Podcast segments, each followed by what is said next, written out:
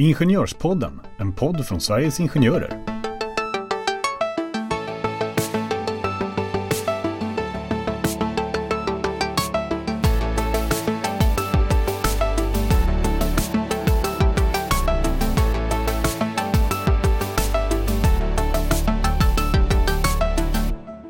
Vad är lönekartläggning Och hur ska en lönekartläggning göras?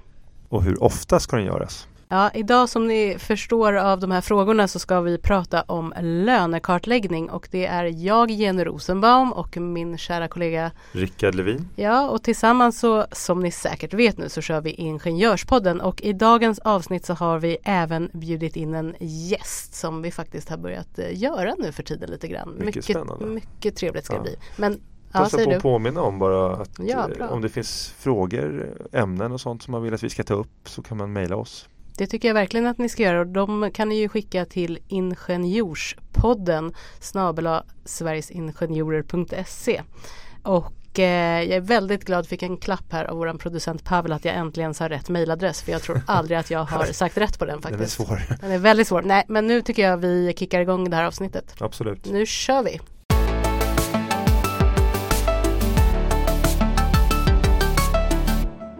Varje år ska arbetsgivaren kartlägga och analysera löner och andra anställningsvillkor för anställda. Själva syftet med lönekartläggningen är att upptäcka skillnader mellan män och kvinnor. Dagen till ära och för att prata om just lönekartläggning så har vi bjudit in en gäst. Vi välkomnar Stina Kimstrand till Ingenjörspodden. Varmt välkommen Stina! Välkommen. Tack. Eh, vi, när vi har gäster så brukar vi liksom säga så här, ja men eh, ja, dra, lite, dra lite kort varför du är här och så gör jag liksom en, in, jag gör en liten introduktion och sen så ska du dra lite kort varför du är här. Men jag tänker, varför är just du här? Och varför ska du prata om lönekartläggningen? Varför har vi bjudit in dig? Jag tror att ni har bjudit in mig för att jag har jobbat mycket med lönekartläggning och analysfrågor Mm. och mycket med jämställdhetsarbete i min roll som ombudsman på Sveriges Ingenjörer. Mm. Och vi är väldigt glada att du är här för att prata lite med oss om det här. Mm, verkligen. Mm. Eh, ska vi börja lite med de här grundläggande frågorna kanske? Ja men det tycker jag. eh, vad är bakgrunden till att vi jobbar med de här sakerna? Att vi vill att man lokalt ska arbeta med de här delarna? Jag skulle säga att det, det enkla svaret på det är för att det behövs. Vi har en lag för att det finns ett behov av det. Mm. Därför att det har funnits och finns skillnader mellan män och kvinnors ja, löner men många andra skillnader finns förstås också. Och vi har ju haft ja, men en jämställdhetslag har vi haft sedan 90-talet. Och den diskrimineringslagen som vi har idag har ju funnits ja, från 2009 men har fått flera förstärkningar 2017. Just det. Så att vi har ju behov av att ha lagstiftning på det här området. Det är ju viktigt att säga att, det kommer vi säkert komma tillbaka till mycket men lönekartläggning det är ju just någonting som faktiskt är lagstiftat om. Eh, ofta pratar vi om vad som finns inskrivet i kollektivavtal och så Mm. vidare. Vi pratar om dispositivitet och så. Men det här är ingenting som går att avtala bort. Nej, det här är en tvingande lagstiftning. Eh, och vad jag förstår, eller jag vet ju det här naturligtvis, men alltså, man, gör en, man gör en jämförelse inom ramen för lönekartläggningen och analysen så gör man en jämförelse mellan just män och kvinnor. Mm. Du är inne lite på det. Det finns ju andra diskrimineringsgrunder Mm. i diskrimineringslagen. Eh, Varför gör man skillnaden, alltså tittar man bara på skillnaden mellan män och kvinnor? Och, och då är det ju så att diskrimineringslagen har ju ett avsnitt om aktiva åtgärder Mm. där lönekartläggning är en del av det aktiva åtgärdsarbetet. Eh, och det arbetet omfattar ju alla sju diskrimineringsgrunder. Däremot lönekartläggning och analys det är bara utifrån män och kvinnor och kön. Och då kan man ju fundera på varför är det så? Ehm, och Dels är det så att man får inte kartlägga de här grunderna hur som helst. Det är inte tillåtet. Och jag tror att ingen skulle vilja att ens arbetsgivare hade till exempel kartlagt en sexuella läggning. Mm. Mm. Men då är det också viktigt att komma ihåg att inga av de här grunderna får ju förstås påverka lönesättning. Lönekartläggning och analys det utgår ju från alla anställda och hela arbetsgruppen. Det är ju på en mer strukturell nivå. Men det är viktigt att komma ihåg att vi har också ett diskrimineringsförbud som innebär att om en lön sätts med skäl som har samband till exempel om en anställd bär slöja och man skulle få en lägre lön på grund av det, ja men då skulle det kunna vara i strid med diskrimineringsförbudet. Mm. Lönekartläggning och analys har därmed lite grann en ett annan ingång. Att det är mellan män och kvinnor, alla anställda omfattas. Så att de här två perspektiven, man kan nästan säga att de kompletterar varandra. Egentligen. Absolut. Du har kvar diskrimineringsgrunderna i botten, de finns ju alltid där. Men du gör en, en, eh, ska säga, en, en kontroll av eventuella strukturella skillnader men också på individnivå när du gör den här lönekartläggningen med tillhörande analys. Ja så är det. De här delarna i diskrimineringslagen ska definitivt inte ses som separata utan de blir en helhet och verkar tillsammans. Men om man eh, tittar lite eh, praktiskt då, hur, hur går man tillväga? Och nu vet ju jag att eh, det här är ju ganska ingående eh, egentligen och det finns ju eh, material som eh, parterna har tagit fram i, i, på olika avtalsområden där man liksom gemensamt har skrivit ett, ett eh, vad heter det, lönekartläggningsmaterial kan man väl kalla det. Ja, en praktisk hjälp. En, en praktisk hjälp. Men om, man, om du skulle få sammanfatta lite kort så här, hur från A till Ö gör man en sån här lönekartläggning? Det första man ska tänka på är att lönekartläggning och analys det sker ju i samverkan. Mm. Att arbetstagarna, eh, företrädesvis de förtroendevalda, ska ju vara väldigt delaktiga i det här arbetet och ha en stor insyn i det här. Så att det är inte någonting som arbetsgivaren ensidigt ska göra. Mm. Då är det ju förstås bra att prata om formerna för hur samverkan ska gå till. När ska man göra det? Till exempel i relation till den årliga lönerevisionen och den löneprocess som ju också sker på företaget. Vilka är det som ska vara med i lönekartläggningen? Arbetstagarna mm. och gärna förtroende, de förtroendevalda. I den här lönekartläggningen, vilka är det man tittar på? Är det, är det vissa grupper på företaget? Är det, är det bara Sveriges Ingenjörers medlemmar? Eller? Mm, lönekartläggningsarbetet omfattar ju alla anställda den är ju en lagstiftning som gäller för samtliga. Alla, alltså inte bara tjänstemän för sig och eh, kollektivare för sig utan samtliga ska Samtliga omfattas. Ja. ja. Däremot brukar man ju undanta VD i okay. det här arbetet. För VDs lön sätts ju av styrelsen. Mm. Men du pratade ju, eh, för att komma tillbaka till, till den här eh, A till Ö. Hur, hur går processen till då? För du började med det här med samverkan. Då tänker jag ju direkt så här, men vad händer om inte företaget vill samverka då? Mm. Och, och, Det är ju ett krav i lagen mm. att det ska ske genom samverkan och, och, samverkan ska ske av hela arbetet av aktiva åtgärder. Inte bara lönekartläggning men nu är det ju det som är fokus för det här avsnittet. Um, men det är ju viktigt att ha en bra dialog mm. kring det här arbetet och varför man ska samverka är ju för att det är viktiga perspektiv från båda sidor det här är ju ett arbete som är på det viset tillsammans. Och eh, de förtroendevalda eller arbetstagarna om lokalförening eller klubbar saknas är en viktig komponent. Det har ju lagstiftaren uttryckligen visat genom att man har eh, skrivit att det ska vara en samverkan. Om det inte fungerar mm. eh, Ja men det har man väl lite grann tänkt på också i, eh, i diskrimineringslagen. Ytterst så finns det ju en nämnd mot diskriminering som man kan vända sig till. Men jag tycker att man innan dess bör påtala för arbetsgivaren naturligtvis att det här är inte ett önskemål utan det är ett, ett eh, krav man kan ställa, det är en skyldighet som arbetsgivaren har. Om det trots det inte fungerar då tycker jag att man ska vända sig till oss och få stöd i det arbetet. Då tänker jag ju osökt på dig Rickard. Vi eh, var ju lite med om den här situationen. Nu vänder jag mig kanske lite mer till förtroendevalda som lyssnar men också för att man ska känna att man har, som du säger, något stöd. För det är en sak vad som står i lagen och det är en annan sak ifall eh, det följs alltid så. Men där hade vi ju faktiskt ett, ett sådnt ärende mm, där mm. det handlade om lönekartläggning. Och ja, alltså det handlade ju om, om samverkan. Kan inte du berätta lite för det kan vara så att man förstår liksom vad är det som kan bli struligt? Ja, det är många saker som kan bli struliga tänker jag. Eh, men det här är kanske inte helt ovanligt då. Mm. Alltså att dels att arbetsgivaren, och det är väl en fråga vi kan sen ta vidare till Stina, mm. inte var så sugen på att se över alla, alltså kartlägga samtliga mm. eh, anställda, samtliga arbetstagare. Eh, och också lite hur man grupperade de här ehm, eh, arbetstagarna. Men sen när det gäller själva samverkan så vill man inte riktigt lämna ut tillräckligt med information kan man väl säga enkelt. Ja, men hur, man, hur man faktiskt hade kommit fram till Mm. de här siffrorna. För det är en sak att få massa siffror och i en lönekartläggning men det är Precis. ju ganska komplext. Och är det stora företag så kan det vara väldigt mycket information tänker jag. Att, Och- och- att få in. Ja och där är väl skillnaden tänker jag, och det är väl eh, en liten halvfråga till dig Stina. Eh, Om man gör samverkan på ett bra sätt så är man ju från facklig sida med från början och har en Mm. insyn. Mm. Om man inte bjuder in de fackliga i samverkan utan sen måste redovisa allting i efterhand, Mm. alltså hur man har kommit fram till saker och ting. Då krävs det ju väldigt mycket information Mm. antar jag och det Mm. kan man väl kräva. Man har, man har eh, rätt till den information som behövs Ja. för arbetet med Mm. aktiva åtgärder för att kunna samverka i det. Och det är ju så, det här är ett komplext arbete Mm. eh, och, och det är inte helt tydligt hur samverkan ska gå till. Det har man inte beskrivit vare sig i förarbeten eller i själva lagtexten. Och det är därför som, som det är viktigt att ha en dialog kring det. Hur ska Mm. vi jobba med det hos oss? Det är ju förstås skillnad på om man är ett väldigt stort företag eller om man är ett mindre företag.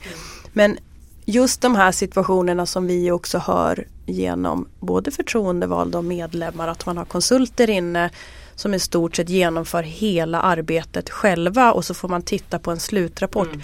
Det är ju inte så som det är Nej. tänkt att det ska fungera för då är det väldigt Det är svårt att komma in i arbetet i rätt tid för att förstå vad det är vi tittar på. Mm. För att om det var så enkelt att man bara kunde göra på samma sätt för alla då tror jag att det Mm. inte skulle finnas så mycket frågor kring det utan man måste hitta sätt, sitt sätt i det.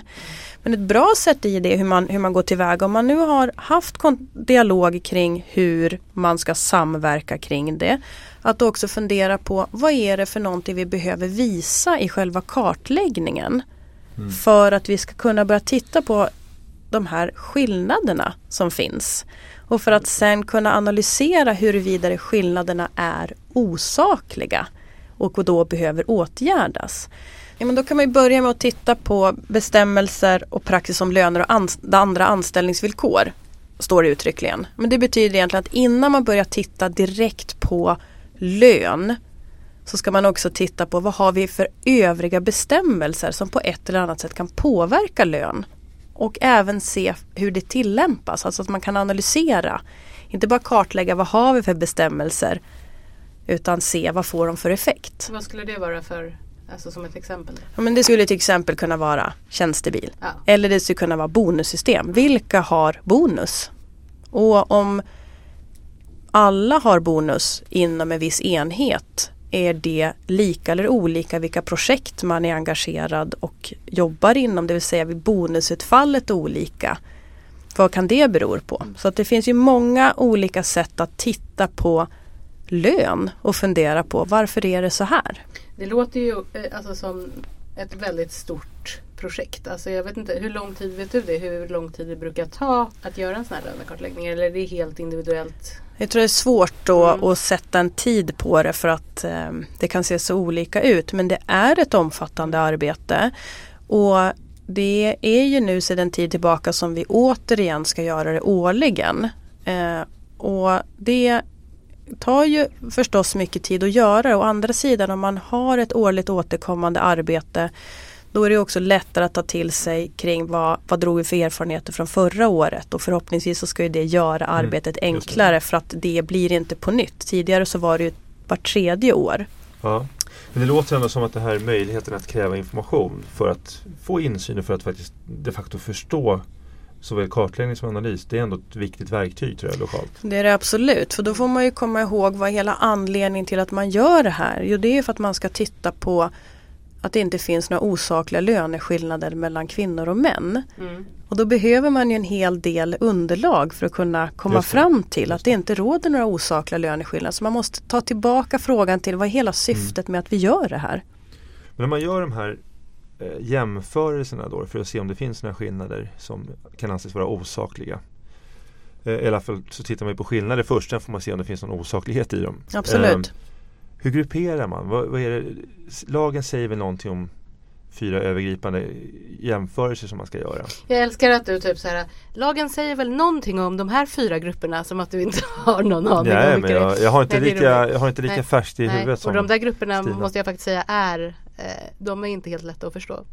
Nej, kanske vissa av dem men Mm. Ja, men vi kan väl börja med, vi kan börja med det som man pratar om lika arbete. Ja. Alltså inom en grupp med arbetstagare som utför lika eller närmaste lika arbetsuppgifter. Det är ju en grupp och då ska man titta inom den gruppen och se. Och den är ju rätt lätt att, förstå liksom hur den är formaterad. Ja, på vissa arbetsplatser är den det och andra tycker nog att det är lite svårare. För gruppen får ju inte bli för stor. nej. För då, då blir det också ett större arbete i det. Men Ja, och jag tänkte bara, förlåt att jag bryter in där men Nej, hoppa in. man ser ju ofta bland våra medlemmar, Sveriges Ingenjörers medlemmar, att många sitter på arbetsplatser där de har väldigt specifika och specialiserade arbetsuppgifter. Eh, Och det, man så här, grovt sett kan säga att det är ingen som gör lika arbeten egentligen. Där kanske det är lite knepigt. Och, Mm, det kan absolut finnas. Ja, men jag håller med. Det kan finnas svårigheter med. Det är inte så enkelt på alla ställen att Nej. Alltid hitta en kristallklar gräns. Men om man Nej. åtminstone förstår vad syftet är att försöka eh, gruppera. Skulle vi Grupper. tre vara i samma grupp? Vi tre är ju ombudsmän på, li- på lite olika avdelningar. Ja, det skulle jag säga att vi, Vi- vi skulle vara i gruppen om Mm. Ja, Mm. okej. Men Jag vet när, inte om det hjälper någon som lyssnar. inte så Det många det hjälper. ombudsmän ute Det där. hjälpte mig att förstå. ja, vad bra. Ja. Men, men Det- sen är det ju en, en annan viktig del. Jag tror att det var den ni var ute efter också. Att, att när man har tittat på bestämmelser och praxis om löner och andra anställningsvillkor och man har tittat på, man har grupperat lika Mm. Grupper om lika, Mm. grupper som är lika och så har man gjort en jämförelse inom den gruppen. Då ska man också göra en jämförelse mellan grupper. Just Det är det man pratar om likvärdigt, vär- likvärdiga arbeten och då Mm. har man ju ställt upp ett antal krav. Som man viktar lite olika. också. Ja, precis. Och det gör man lokalt. Alltså det, man kan vikta det här lite beroende på hur man vill ha det på företaget. Då. Ja, alltså kraven framgår i lagstiftningen. Mm. Men just utifrån verksamhetens inriktning då kan Mm. det vara klokt att vikta och se. Men utifrån hur, vad vi värdesätter på den här arbetsplatsen. Har de här kunskap och färdigheter. Hur bedömer vi det jämfört med arbetsförhållanden till exempel. Mm. Och så kommer man fram till grupper som är likvärdiga, likvärdiga Ja. arbeten. Ja, och likvärdiga arbeten det ska ju då bestå av kanske säger flera olika grupper av lika arbeten. Om det nu finns likvärdiga arbets, arbeten. Och då ska ju jämförelsen ske mellan de här grupperna. Så lika arbete är inom ett lika arbete och likvärdigt är ju mellan grupperna inom det likvärdiga arbetet. Och då Alltså måste man ju också notera vad som är kvinnodominerat arbete. För det är ju sådana ytterligare en term som man pratar om i Och hur, hur diskrimineringslagen. definierar man det då? Ja men då säger man att det är 60 procent Okej. eller mer som Ja. är. Mm. 60% kvinnor inom den gruppen. Ja, Mm. så det är ju en annan, en annan del som man ska titta på att inom de här likvärdiga arbeten så ska man jämföra kvinnodominerat arbete Mm. med det som inte är det. Och på samma sätt då ska man inom grupper om lika jämföra när det är kvinnor och män. Just det. Mm. Men sen finns det icke kvinnodominerad grupp. Mm. Det tillkom eh, en ytterligare analys eh, när, man, när man skulle göra analys Mm. av likvärdiga grupper så, så ska man även titta då på grupper som är eller brukar vara kvinnodominerade som har högre krav men lägre lön. Ja det där är ju så Mm.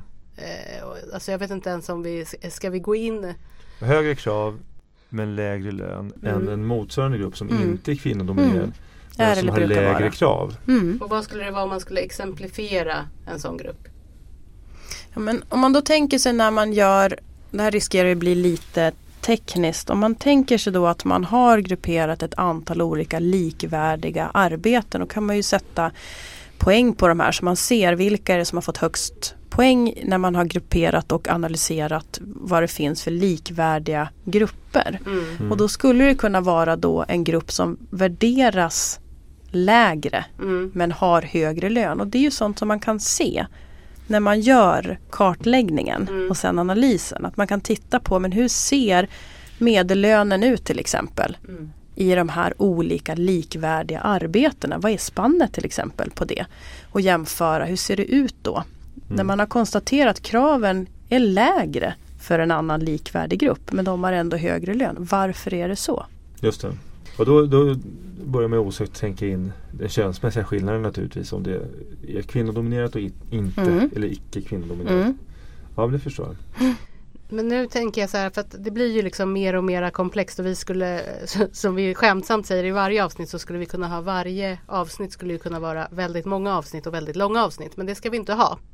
Eh, så jag tänker ska vi liksom försöka få till, för jag, för jag tänker nu i din liksom process, vi började ju med hur praktiskt det går tillväga och så har vi gått in lite på de här grupperna nu. Om man nu kommer fram till då eh, när man har samverkat fint och sett alla de här eh, grupperingarna så ser man oj, här fanns det ju osakliga skillnader. Hur går ar för arbetsgivaren? Hur lång tid har man på sig att rätta till det här? Ska det ske till nästa lönekartläggning eller? Ja, det ska ju åtgärdas gärna så snart som mm. möjligt. Ytterst så har man tre år på sig. Tre år? Ja, mm. så, mm. så uttrycker lagen. Mm. Tre år, ja nej, för det tänkte jag det kan ju vara att man liksom kommer framåt. Det är viktigt då, som Jenny är inne på, att man, man verkligen tar de eventuella osakliga löneskillnader man hittar på allvar och sätter upp en vad ska man kalla för en slags åtgärdsplan för dem direkt då? Mm, det att man inte skjuter på det. Alltså. Ja, men absolut, för att det här är ju någonting som man också ska dokumentera. Mm. Det finns ju krav på dokumentation eh, i arbetet med aktiva åtgärder och då är det en sån sak att man ska dokumentera de mm. lönejusteringar och kostnad för det och sådär. Så att det är förstås vårt medskick att det åtgärdas så snart som möjligt så att man inte har flera års eh, skillnader som mm. man har konstaterat är osakliga som inte åtgärdas och som släpar från år till år. Det, det försvårar nog bara processen. Och det ska ske separerat från lönerevisionen? Mm. Det här ska mm. ligga utanför lönerevisionen. Det är väl så att många av våra löneavtal också har den hänvisningen. Eller det förtydligandet kanske man ska säga. Ja, jag skulle nog säga att det kanske inte är lika tydligt i alla avtal som man ja, kanske skulle en önska. Del en del av våra avtal. Um, Men det är väl det man kanske ska hävda oavsett för att uh, annars kan det ju lätt bli så att det blir ja. väldigt lite i ja, lönerevisionen. Ja men precis, rent principiellt, alltså eventuella rättställelse, det här är ju en form av en rättställelse i så fall. Det ska ju inte kollegorna mm. behöva betala för, i min ingång. Nej men jag håller med dig Rickard för att man måste hålla isär det som våra löneavtal baseras på vad lönen ska sättas utifrån och då pratar vi om individuell och differentierad lön som ska sättas utifrån prestation och så mm. vidare. Mm. Mm. Och lönekartläggningsjusteringen är ju någonting helt annat. Det är ja. ju en upptäckt eh, osaklig lön som måste åtgärdas och blandar man samman de här delarna så är det ju inte någonting vi skulle förorda i alla fall. Nej tvärtom. Mm. Ja, jag, jag har två korta frågor för att jag tänker att det här brukar komma upp lite i samband med lönekartläggning eh, och det är kvotering och positiv särbehandling. Jag tänker att eh, alltså det brukar inte komma upp kanske i, i lönekartläggningen men, men det liksom eh, nuddar ändå vid ämnet lite och att jag tänker att det kan vara bra. Vi brukar ibland ha med lite så fackliga ord eh, som vi får som en liten ordlista i slutet tänker vi eh, av varje säsong. Och eh, då tänker jag just kvotering och positiv särbehandling. Kan inte du bara lite kort redogöra för dem innan, innan vi avslutar idag? Mm. Kvotering, vi har i dagsläget inte eh, möjlighet att kvotera som egentligen betyder förenklat då, så ska man kunna säga att, att man bestämmer att vi ska ha 50% kvinnor och 50% män som är ombudsmän. Så mm. då rekryterar vi så att vi ser till att vi har 50% var. Vi har inte eh, möjlighet att göra så. Däremot positiv särbehandling är ett tillåtet undantag i diskrimineringslagen. Det betyder egentligen att om man och det går bara att göra utifrån kön. Mm. Positiv särbehandling kan inte göras utifrån andra diskrimineringsgrupper utan bara utifrån kön. Om man har ett underrepresenterat kön på arbetsplatsen då skulle man kunna i en rekryteringssituation när det är ja, men likvärdiga meriter mm. kunna välja den från det underrepresenterade könet. Men det är intressant att du säger, nu bara kommer jag på att tänka på, det här var många år sedan men då fanns det någon så reklam som man såg på tunnelbanan eh, för att söka till Polishögskolan. Där det stod så här, är du eh, något i stil med, är du eh, ja, men, ung, nej det stod kanske inte ung men det stod är du utlandsfödd Jag tror att det var kvinna, utlandsfödd eller kvinna och så var det någonting mer. Sök gärna på Likhetshögskolan ungefär. Det, ni får ursäkta mig att det inte stod exakt så men, men något i den stilen. Skulle det då inte vara okej okay att skriva utlandsfödd till exempel? Att, för jag antar att polisen då ville få in men det har ju varit några sådana uppmärksammade eh, försök får man ja. väl uttrycka det då, där man har eh, försökt att eh, märka vissa platser till en viss grupp. Att mm. man har velat öka intaget till exempel från utlandsfödda mm. och då har man sagt att en viss andel av de här utbildningsplatserna är vikta till er. Mm. Men det har ju sen prövats och inte varit ett tillåtet mm. undantag. Men nu är ju vi i arbetslivet, det är ju vårt fokus utifrån diskrimineringslagens olika områden och i arbetslivet då är det inte tillåtet att kvotera för att man vill ha in en annan fördelning utan då måste det vara utifrån det, ett underrepresenterat kön vid ut, bara utifrån kön. Mm. Och det kanske låter som en hårfin skillnad men det är en väldigt stor skillnad för att det, om jag och Rickard skulle söka samma tjänst på meriter så skulle jag få den då alltså. Eller förlåt, missförstod jag. Om Rickard och jag skulle söka samma tjänst. tjänst. Ja, faktiskt. och jag skulle eh, erbjudas den tjänsten för att det saknas kvinnor som mm, är mm. ombudsmän på den här arbetsplatsen då eh, är ju det också för att du kanske skulle då vända dig till ditt förbund och driva frågan med att jag har blivit diskriminerad, jag har inte fått den här tjänsten som jag har sökt och jag är bortvald för att jag är man. Om jag kan visa att det är just därför. Ja, mm. precis. Och det är så som det här undantaget i så fall skulle, mm. skulle tillämpas. Men det är, det, är inte, det är inte så enkelt att arbetsgivaren bara kan säga nej men vi har tillämpat undantaget mm. så det kan aldrig bli diskriminering utan ytterst så skulle det ju prövas. Är det här ett tillåtet undantag att du inte fick den här tjänsten? Är det i strid med diskrimineringslagen eller inte? Mm. Nu är vi lite en bit ifrån lönekartläggning och analys men det, det, är, det finns vissa begränsande undantag. Mm.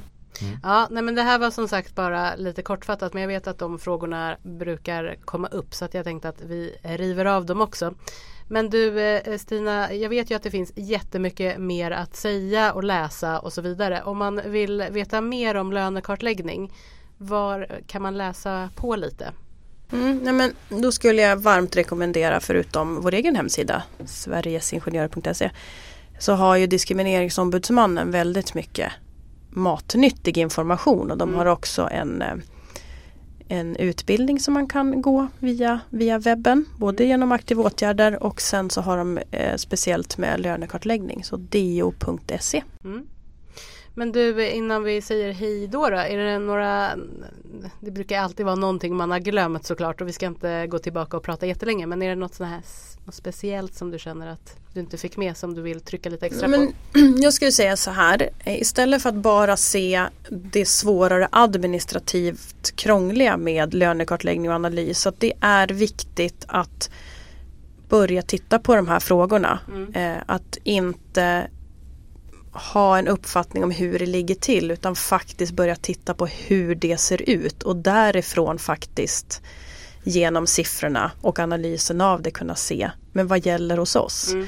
För ska vi komma till rätta med både skillnader i lön och vad, vad män och kvinnor har för förutsättningar för förväntningar då måste vi liksom börja jobba med de här sakerna. Vi måste rannsaka oss själva, vi måste titta på hur det faktiskt ser ut. Så mm. först då kan vi uppnå förändring.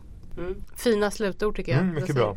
Mm. mycket bra. Men vi tackar dig så hemskt mycket för att du kom och gästade oss här i Ingenjörspodden. Tack ska du ha. Tack. Hej då. Hej.